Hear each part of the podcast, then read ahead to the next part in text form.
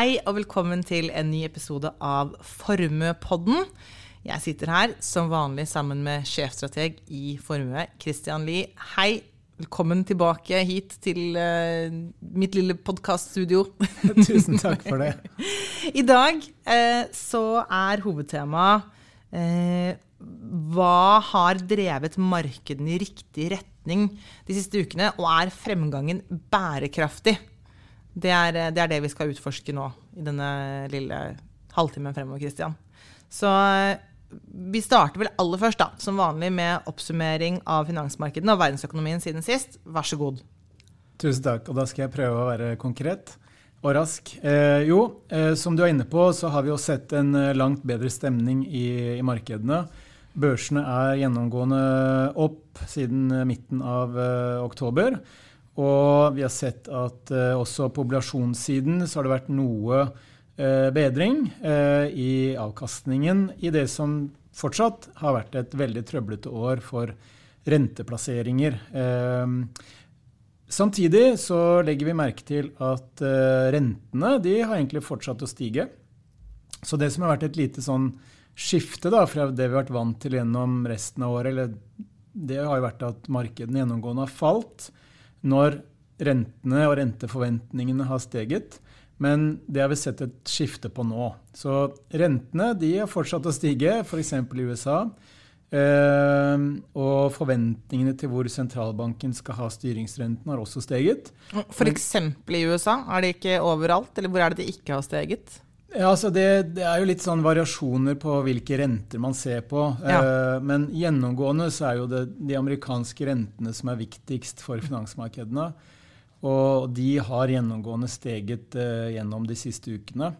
Eh, men likevel så har markedene løftet seg, og stemningen har bedret seg. Og det skyldes jo da en del andre ting som jeg skal komme litt inn på. Uh, og noe av det som også har gitt støtte til eh, litt mindre pessimisme i markedene, det er endringer i, i valutabevegelsene.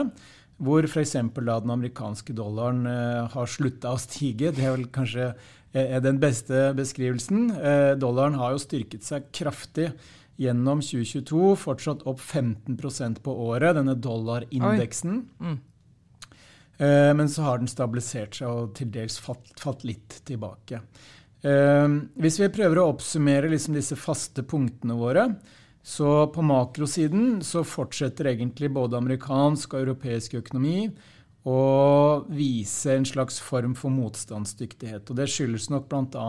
Eh, sterke arbeidsmarkeder og relativt sterke balanser både hos eh, bedriftene og hos eh, husholdningene. Eh, men hvis vi ser på de såkalte ledende indikatorene, altså de som sier noe om hvordan ting kommer til å bli eh, de neste månedene, så har de gjennomgående blitt eh, svakere veldig mange steder. Både i USA, i eurosonen og i, i Kina.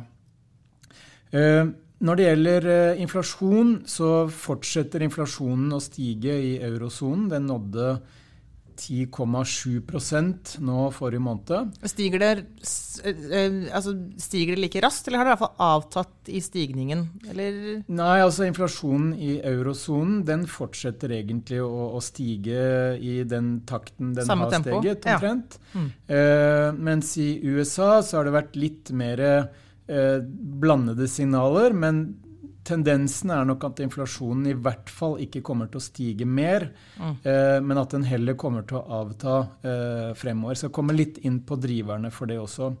Eh, og det vi også ser, er at kjerneinflasjonen, altså den inflasjonen som sentralbanken er veldig opptatt av, og som da utelukker prisene på f.eks. mat og energi, den fortsetter også å stige eh, i Europa. Den har fortsatt også steget i, i USA. Så da det er nok litt sånn ja, delte meninger hvorvidt inflasjonen eh, kommer til å falle så raskt ned mot sentralbankenes målsetning som man kanskje håper på og, og skulle ønske. Så eh, at inflasjonen da holder seg høy mange steder, det har også vært med på å løfte, løfte rentene gjennom de siste ukene. Mm. Eh, det som også har vært med på å løfte rentene og forventningene om hva sentralbankene skal gjøre, det er jo flere nye store rentehevinger fra Eh, både den amerikanske sentralbanken, som har løftet styringsrenten med 0,75% og det samme gjorde også den europeiske sentralbanken. Og noe av det som skapte noen dager i hvert fall med litt sånn trøbbel i markedene, det var jo den amerikanske sentralbanksjefen som var veldig tydelig på at vi er ikke ferdig med å heve styringsrentene ennå. Eh, og at inflasjonen må komme mer ned. De må føle seg mer komfortable med at inflasjonen skal ned. Mm før de på en måte kan eh, reversere den, eh, de innstramningene som de, de holder, holder, på med.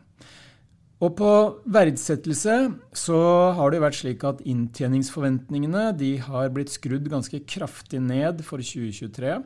Inntjeningsforventningene på alt? For globale aksjer, ja. eller for amerikanske aksjer, eller for, for andre regioner, stort sett. Så har analytikerne nå skrudd ned sine forventninger til hvor mye penger selskapene kommer til å tjene mm. eh, både i fjerde kvartal i år, men også neste år. Eh, og for amerikanske selskaper så har nedjusteringene vært eh, tre ganger så store som det de normalt pleier å være på samme tid i, i året som vi er nå. Så det pleier å være noe ned på denne tiden, men nå er det tre ganger eh, Altså 300% mer enn det det pleier å være? Ja. ja. Ehm, det vi også ser da, ettersom inntjeningsforventningene går ned, og aksjekursene likevel har gått opp, så betyr jo det at eh, aksjemarkedene i prinsippet har blitt dyrere. Fordi hvis vi husker på dette PE-tallet, altså pris ja. per aksje delt på forventet inntjening per aksje, mm. Eh, så er jo det en brøk som består av to ting. Det øverste er jo kursene, og mm. det nederste er inntjeningen. Og, og hvis da eh, telleren i brøken stiger, ja. mens eh, nevneren eh, faller, så betyr jo det alt annet likt at uh, PE-tallet stiger. Altså ja. aksjemarkedet blir dyrere. som jeg har skrevet om i min månedskommentar, som det er mulig å finne på eh, formue.no under innsikt, mm -hmm. Så er det også slik at det er for tidlig å si at markedene er veldig billige. Eh, det er ikke så dyrt som det var mot slutten av 2020 eller til dels gjennom 2021. Men f.eks. amerikanske aksjer prises til en PE på rundt 18. Og det har aldri skjedd før at vi går fra et bear-marked til et nytt bull-marked fra en så høy PE. Nei, så den PE-tallet har altså historisk vært en indikator på når, når dette skjer? Ja, altså fordi eh, når du har veldig høy pessimisme i markedene, mm. og du har kanskje perioder med litt sånn panikk, f.eks. knyttet til resesjon eller at økonomien blir veldig dårlig, at det skjer ting i økonomien som skremmer investorene, så vil gjerne betalingsvilligheten til å liksom kjøpe aksjer dyrt, den vil falle kraftig. Mm. Så det man da ofte ser i, i perioder hvor den siste optimist blir pessimist, ja så vil gjerne PE-tallene være mye lavere enn det de er i dag. Ja. Men for det er ikke panikk ennå? Nei, altså det er det som har vært så eh, snodig da, på sett og vis med 2022, at eh, vi har hatt ganske store kursfall. Mm. Eh, men vi har ennå ikke hatt noe panikk. Eh, og det skyldes nok at eh, denne nedturen som vi er, liksom ser er på gang i økonomien, den skyldes jo i stor grad de renteøkningene som gradvis nå kommer, og som vil påvirke økonomien med forsinkelse. Og vi har ennå ikke hatt noen sånne stresstilfeller eller det vi kaller systemisk risiko, mm. hvor det finansielle systemet slutter å fungere. Nei. Eh, og Derfor så har vi kanskje ikke hatt de der hendelsene som har utløst panikken. Men når, det, når, du sier de finansielle systemene slutter å virke, hva, kan du komme til eksempler? Forklare meg litt mer på det? Ja, eh, vi har egentlig hatt eh, to veldig tydelige eksempler på det. Og det var under finanskrisen, ja. hvor eh, frykten i markedene blir så ekstrem. Og mange investorer velger å selge seg ut av alt som kan selges. Mm. Uavhengig om det er bra verdipapirer eller dårlige verdipapirer. Du får en eh, ekstrem etterspørsel etter amerikanske dollar. Og det skaper da friksjon i det finansielle systemet. Det blir et mangel på likviditet, det blir mangel på dollar. Bankene begynner å, å mistenke hverandre, ikke sant? for har dere noe lik i skapet som vi ikke vet om? Og så slutter rett og slett finansieringssystemet å, å fungere. Og det samme så vi rett eh, etter at pandemien ble en realitet. Da også så vi sånne stresstegn i det finansielle systemet. Og da trådte jo sentralbankene til med det kraftigste skytset noensinne. Mm. Eh, og som da på mange måter eh, avverget en, en systemkrise i, i, markedet. Hva ville skjedd hvis, altså hva slags systemkrise er det vi snakker om da? Som de fikk avverget? Nei, altså hvis, uh, hvis vi får en, uh, en, systemkrise hvor det finansielle systemet slutter å fungere, så vil jo både banker og markedsaktører, bedrifter, de vil på en måte eh, slutte å få tilgang til finansiering. Og dermed så vil de få store utfordringer med å opprettholde driften sin, rett og slett. Mm. Uh, så det er veldig mange negative konsekvenser ved en sånn type systemkrise. Og det er derfor sentralbankene er livredde for at det skal oppstå. Ja. Og, og, i mitt hode så er jo kanskje en systemkrise, altså hvis vi nå får enda større kursfall i markedene, og et eller annet skjer som da skaper den panikken, så vil også sentralbankene med høy sannsynlighet prioritere det høyere enn inflasjonsbekjempelse. Så hvis vi skal på, på en måte få en ny runde med pengetrykking eller rentekutt nå, eh, så vil det sannsynligvis eh, kunne utløses av den typen systemkrise som vi snakker om. Nettopp. Så bare for å da dra tilbake igjen, siden jeg tok deg langt ut på viddene her nå, så er eh, så er det ikke, det er ikke full panikk ennå. Vi er fremdeles i et bear market og ikke et bull market. Ja, altså det, det, det vet vi jo ikke. Nei, nei. Eh, fordi at eh, hvis, eh, hvis eh, oktoberbunnen da, mm. viste seg å være et varig vendepunkt, og at markedene skal stige mer enn 20% herfra, så vil vi jo være i et slags teknisk bullmarked igjen. Ja. Men men, men, men, nå kommer vi litt tilbake til det. Men det som er liksom mitt, min hypotese, det er jo at så lenge sentralbankene fortsetter å heve rentene, og så lenge inflasjonen er for høy, så vil jo den, de renteøkningene de vil virke inn i økonomien gradvis. Og Det betyr jo da at utsiktene for selskapsinntjening, som er viktige for aksjemarkedet, eh, og viktige for oblasjonsmarkedet, også selskapsobligasjoner, eh, de, de, forutsetningene vil forvitres eh, ytterligere.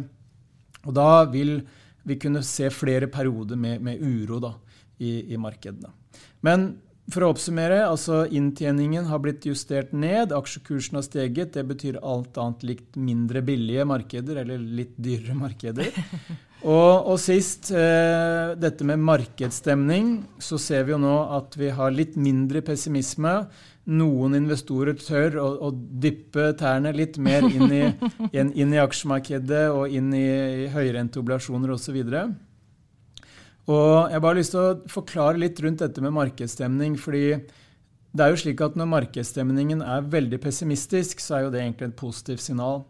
Mens når markedsstemningen er ekstremt optimistisk, og alle på en måte har investert pengene sine der de kan investeres, så er ikke det et like godt signal. Ofte så er det et negativt signal. Mm. Og forklaringen er egentlig ganske enkel. fordi at hvis du tenker deg at eh, det er ekstrem pessimisme, veldig mange investorer har tatt eh, kort, kortsiktige investorer har tatt penger av, av, bordet, altså de har plassert dem i banken eller i helt trygge verdipapirer. Ja. Så gjør de jo det fordi de er redde for at ting skal gå enda dårligere. Mm. Men det som da er et faktum, det er jo at når er kapasiteten til å øke risikoen størst? Er det når stemningen er fantastisk og alle har alle holdt på å si, pengene på bordet? Nei. Nei, det er Nei. jo ikke det. Fordi kapasiteten til å øke risiko, kapasiteten til å drive markedene oppover, den er jo aller aller størst når alle er forsiktige. Ja, Når man har fjernet så mye risiko som man bare kan, så er det klart at da, det er jo helt logisk at da vil det være mulig å kunne gå til mye mer risiko. Ikke sant. Mm. Og det er jo derfor en veldig pessimistisk stemning i markedene historisk ofte har hatt langt større sannsynlighet for å foranledige en god periode i markedene. Problemet er vel da at du vet jo ikke nettopp igjen når denne bunnen er nådd, om det skal bli enda mer pessimistisk eller ikke. Ikke sant. Og så, mm. så, så, så det markedene nå eh, på en måte priser inn, det er jo en del sånne positive drivere som vi nå skal, skal begynne å snakke litt om. Ja. Positive drivere. Det høres hyggelig ut. La oss, uh, la oss bare gå rett videre til, til det. Ja.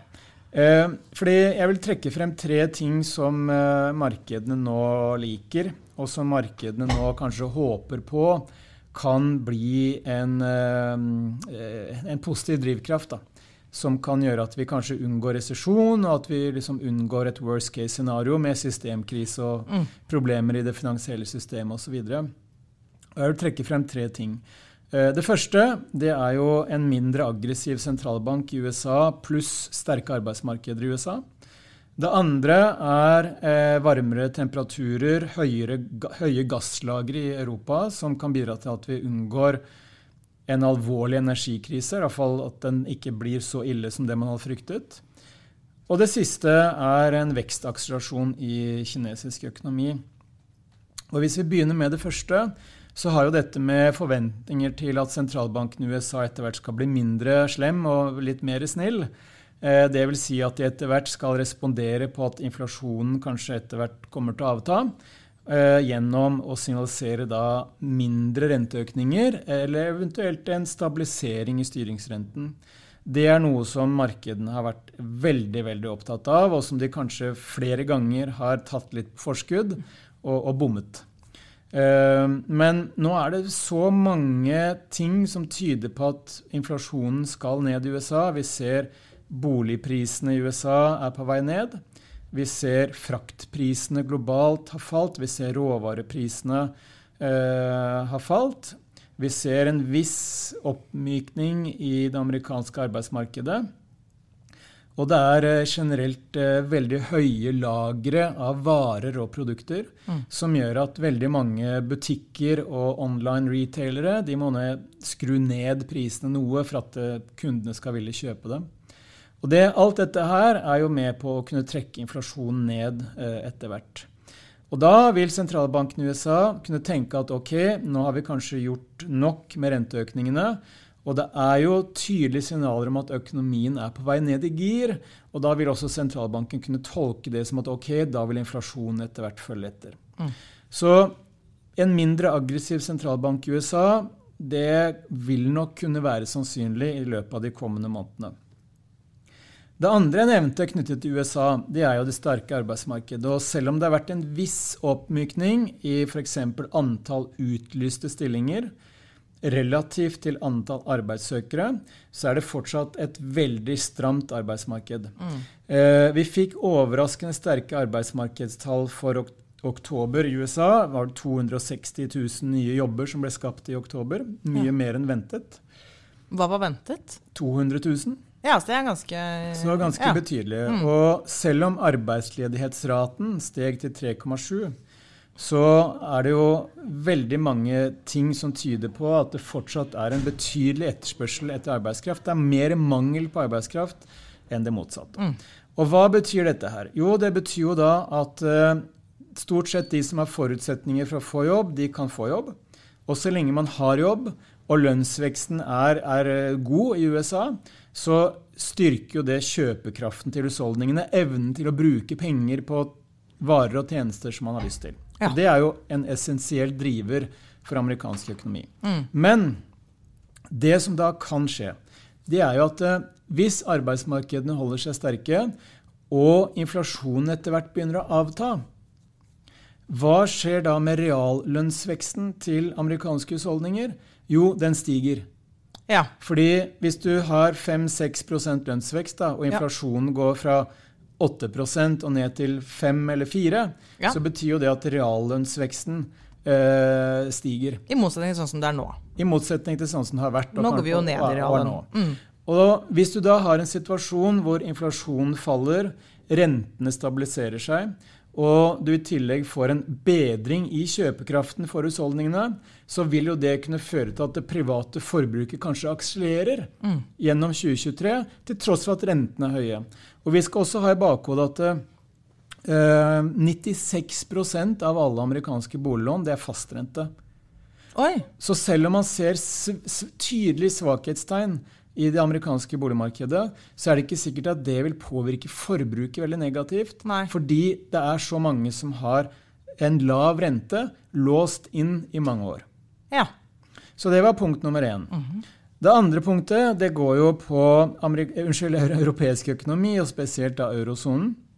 Fordi her har jo vi og, og, veldig mange andre tenkt at ok, nå kommer vi inn i en dyp resesjon. Dette er gigakrise.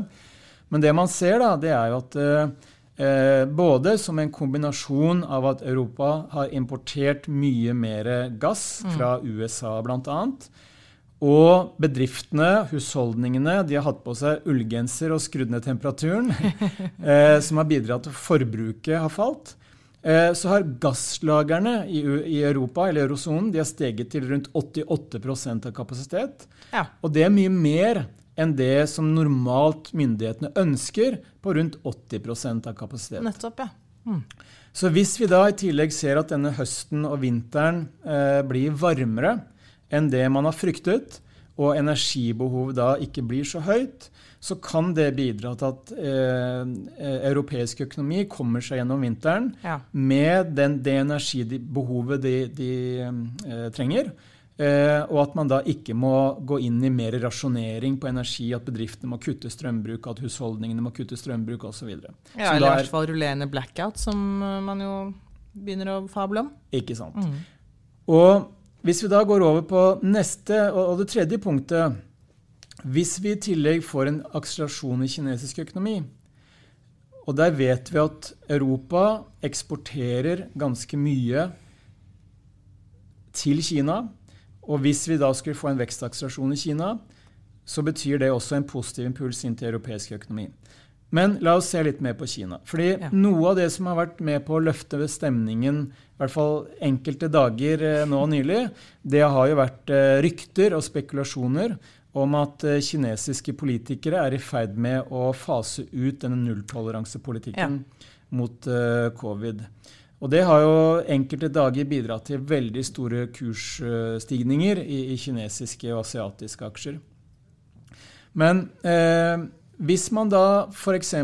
tar som et utgangspunkt at eh, kineserne etter hvert ser at denne nulltoleransepolitikken den har så store negative konsekvenser for økonomien at de begynner å fase den ut, så vet vi at eh, kinesisk økonomi har bygget opp store kapitalreserver eh, gjennom de siste kvartalene fordi de har eksportert ganske mye til Europa og USA.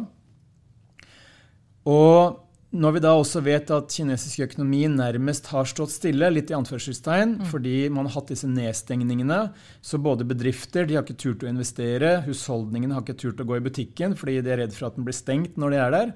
Ja. Eh, sånn som skjedde på Ikea i Shanghai vet du, den, den lørdagen. Ja.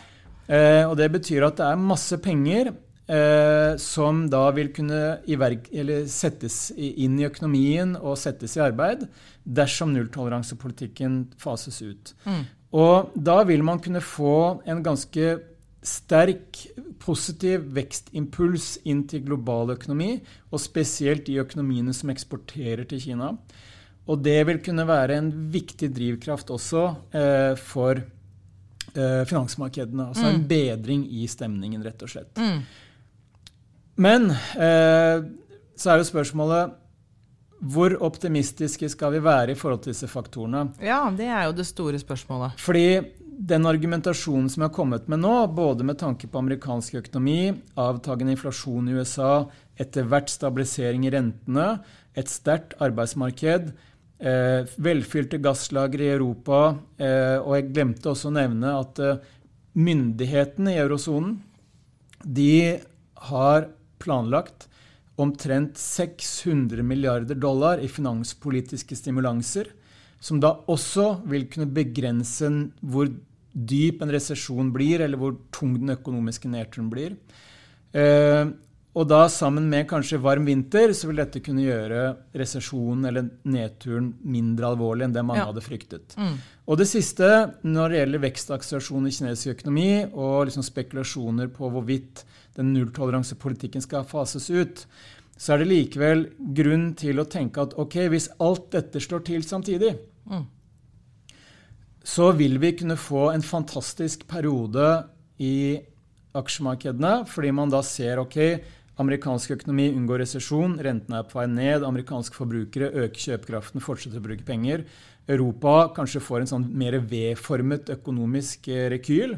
Ja. Og, og, kinesisk økonomi da begynner å blomstre igjen. Mm. Så det er klart det vil gi en voldsom positiv impuls inn til markedene og risikoviljen. Men, og det er her det store mennet kommer fordi hvis vi får disse tre tingene som skjer samtidig, som alle er positive Altså mindre aggressiv sentralbank i USA, en mindre alvorlig energikrise i Europa og vekstakselerasjon i kinesisk økonomi. Hvis dette skjer samtidig, mm. så vil jo det skje i en situasjon hvor inflasjonen fortsatt er over sentralbankenes mål på ja. 2 Fordi inflasjonen faller ikke fra 8-9% ned til 2 veldig raskt. Nei. Ofte så skje, tar dette tid, bl.a. fordi lønnsveksten da ligger på 4-5-6% Og det betyr at med mindre man får en knekk i arbeidsmarkedet, så er det vanskelig å få lønnsveksten ned til 3 ja. uten, at, uten at ledigheten stiger. Så det som er mitt, hele mitt poeng, da, det er at hvis dette skjer samtidig, så vil det også gi en ny inflasjonsimpuls ja. inn i verdensøkonomien. Og tenk bare på oljemarkedet og energisituasjonen. Fordi i dag så har vi altså en oljepris på nesten 100 dollar fatet. Mm. Og det skjer samtidig som vi har nær den sterkeste dollaren på 20 år. Olje handles i dollar. Mm. En sterk dollar skal normalt være med på å dempe oljeprisen. Vi har de laveste strategiske oljelagrene i USA siden 1984. Oi. Fordi Biden med vilje har solgt masse olje fra disse lagrene for å få amerikanske drivstoffpriser ned, slik at han skal bli mer populær ved inngangen til mellomvalget nå denne uken her. Okay. Og det skjer også da samtidig med at kinesisk import av olje har vært negativ for første gang på mange, mange år pga. nulltoleransepolitikken. Mm. Så hvis vi da skulle få en akselerasjon i global økonomi nå, og ikke minst i kinesisk økonomi, så vil jo det øke etterspørselen etter energi. Mm. Det vil øke etterspørselen etter olje, industrimetaller. Veldig mye av det som faktisk driver inflasjonen oppover. Det høres jo da ut som at uh, hvis jeg skal dra det helt ned til min egen nesetipp, at uh, renta mi ikke kommer til å gå ned med det aller første, eller hvis jeg kan stille spørsmålet litt mer, sånn, litt mer generelt det er vel ikke da realistisk at det verste er bak oss ennå? Nei, altså det, det er det som eh, kan være en hypotese her. At eh, i det markedene oppfatter at det, disse tre tingene potensielt skjer samtidig, så vil man kunne få en fantastisk periode i, i, flere måneder kanskje, i aksjemarkedet og i finansmarkedene. Men når man da ser at dette også blir en kraftig ny inflasjonsimpuls, og sentralbanken da dreier fokuset fra ok, nå faller inflasjonen litt, det ser veldig hyggelig ut, mm til at ok, nå kommer det en ny inflasjonsbølge. Og da må vi kjøre i gang en ny runde med renteøkninger. Mm. Så vil det kunne gi oss en mer sånn W-formet utvikling i økonomien og i finansmarkedene. Så det går raskt opp og raskt ned igjen før det eventuelt da går opp? Ja, så det var, det var dette jeg skrev litt om i, i min ukeskommentar uh, forrige uke om at veldig mange investorer forventer at vi skal få en sånn V-formet rekyl. Mm. At nå har det gått ned gjennom 2022, og nå må vi da nærme oss en bunn snart, slik at det skal stige rett opp igjen. Ja. Men det som er et ikke urealistisk scenario, det er jo det vi har prøvd å male nå. Ja. Nemlig at vi får hvis vi er heldige, en, en, del ting som skjer positivt samtidig. Det er mange ting som, som, tilsier at det egentlig skal bli positivt, men så er inflasjonen altfor høy. slik at hvis de positive tingene skjer, så kommer inflasjonen til å fortsette å stige, og dermed må det gå ned igjen. Yes. Ja. Så good news is not necessarily good news, som vi Nei. sier på Hamar i dette øyeblikket. Så det, så det, er jo det som jeg vil beskrive som en catch 22-situasjon ja. for sentralbankene. Nemlig at hvis økonomien nå går veldig bra fremover, mm. så vil det ikke nødvendigvis være så bra, fordi det vil forlenge inflasjonsproblematikken. Og hvis økonomien går dårlig, da, hvis amerikansk økonomi tynges i større, i større grad av renteøkningene, mm. og arbeidsmarkedene begynner å knekke sammen. altså de, de, Vi får kraftig stigende ledighet, og vi får en resesjon. Energiprisene stiger, slik at Europa, Europa også opplever en tyngre resesjon. Og Kina, som det er ganske det er mange flere argumenter for at Kina ikke skal fase ut nulltoleransepolitikken faktisk, enn at det er det. Blant annet så stiger jo smitten nå kraftig i Kina. Ja. Uh, så er det klart at det vil kunne utløse en, en tyngre global resesjon, som gjør at inflasjonen kommer ned, og som gjør at rentene også må ned etter hvert. Og da vil det kanskje være et bedre utgangspunkt for at vi etter hvert skal få en ny oppgangsperiode i økonomien og i finansmarkedene som varer en stund. Ja, for det er jo det vi vil ha. Vi vil ikke ha det sånn at det går litt opp og litt ned og bare helt sånn usikkert. Nei, for det er jo det som egentlig har kjennetegnet tidligere inflasjonsperioder. Det er at inflasjonen kommer i bølger. Mm. Det er ikke slik at inflasjonen kommer som en spike, og så detter den rett ned igjen, og så er alt normalt og fint igjen. Mm inflasjon er vanskelig å bli kvitt når den først kommer. Ja. Og det kan føre til at uh, vi får flere bølger med renteoppgang, rentenedgang. Inflasjon som øker, inflasjon som faller, og som blir vanskeligere å forutsi rett og slett for investorene. Så det er slitsomme tider både for investorer, men også folk som ikke investerer og bare har et eh, boliglån og en rente å forholde seg til? Så, så merker det, altså Dette merkes jo i realøkonomien. fordi så lenge rentene stiger, så betyr jo det at finansieringskostnadene for deg og meg som mm. har boliglån, eller for bedrifter som skal låne penger i obligasjonsmarkedet eller fra banker, det blir dyrere, og ja. det blir vanskeligere å få finansiering. Og Da vil jo mange bedrifter tenke at ok, hvis finansieringskostnadene stiger, det er vanskeligere å få finansiering, så må vi rett og slett redusere litt på pengebruken vår. Vi må være mer forsiktige med å ansette. Vi må være mer forsiktige med investeringene. Og hvis det da fører til at sysselsettingsveksten avtar, ledigheten stiger og investeringsaktiviteten faller, så er det en selvforsterkende spiral som gjør økonomien dårligere og dårligere i en periode, frem til man har på en måte fått en stabilisering, inflasjonen er ned, rentene kommer ned, og så får man en ny periode med oppgang. Ja, så på et eller annet tid, tidspunkt så skjer det. Og jeg må jo si at Christian, du høres jo på en måte litt mer positiv ut enn det du har gjort nå på en god stund. Men så skjønner jeg deg også som at eh, pga. den høye inflasjonen så er vi egentlig ikke klar for at det skal bli så veldig mye mer positivt ennå, og at dette kommer til å gå i bølger eh, fremover. antageligvis. Jeg syns det var en veldig god formulering. Tusen takk, eh, Christian Lie, sjefstrateg i Formue. Jeg er Sunniva Rose, og du har lyttet til Formuepodden.